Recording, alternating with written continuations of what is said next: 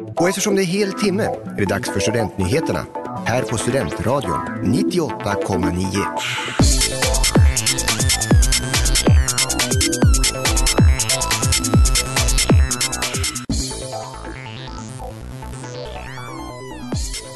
Ergo räddas. Muterat virus hos studenter.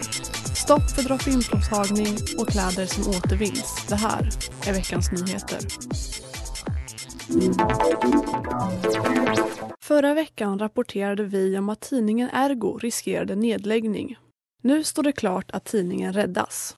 På sin hemsida skriver Ergo att kårpresidiet den 22 mars hade ett möte med prorektor Koko Norén där Ergos framtid diskuterades. För prorektor var nyheten om Ergos nedläggning förvånande och på mötet diskuterades möjliga lösningar kring Ergos framtid. Universitetet erbjöd sig att hjälpa till med finansieringen av Ergo under tiden en utredning om en långsiktig lösning på finansieringen sker. På styrelsemötet den 22 mars, där beslut om nedläggningen skulle tas, togs beslutet att avbryta nedläggningen. På måndagen i förra veckan var det 47 studenter som fastnat i mutationsscreeningen. Detta enligt SVT Nyheter. Detta betyder att de med sannolikhet har den brasilianska eller sydafrikanska muterade varianten av coronaviruset. Man tror att det rör sig om den sydafrikanska.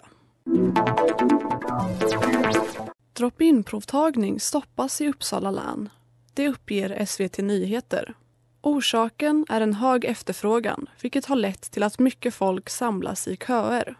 De bokningsbara provtagningstiderna är dessutom mer effektiva än drop-in-tiderna eftersom de inte kräver samma administration.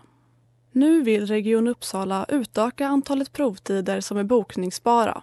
Drop-in-provtagningen återvänder igen då den kan ske smittsäkert. Med hjälp av en anläggning i Malmö kan det nu bli lättare att återvinna gamla kläder.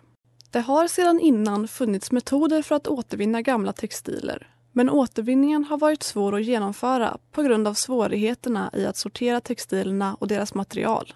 Tanken är att infrarött ljus på anläggningen i Malmö ska hjälpa till att upptäcka vilket material kläderna består av. Detta enligt SVT Nyheter. Du har lyssnat på nyheterna i Studentradio 98,9 med Elvira Oberger. Thank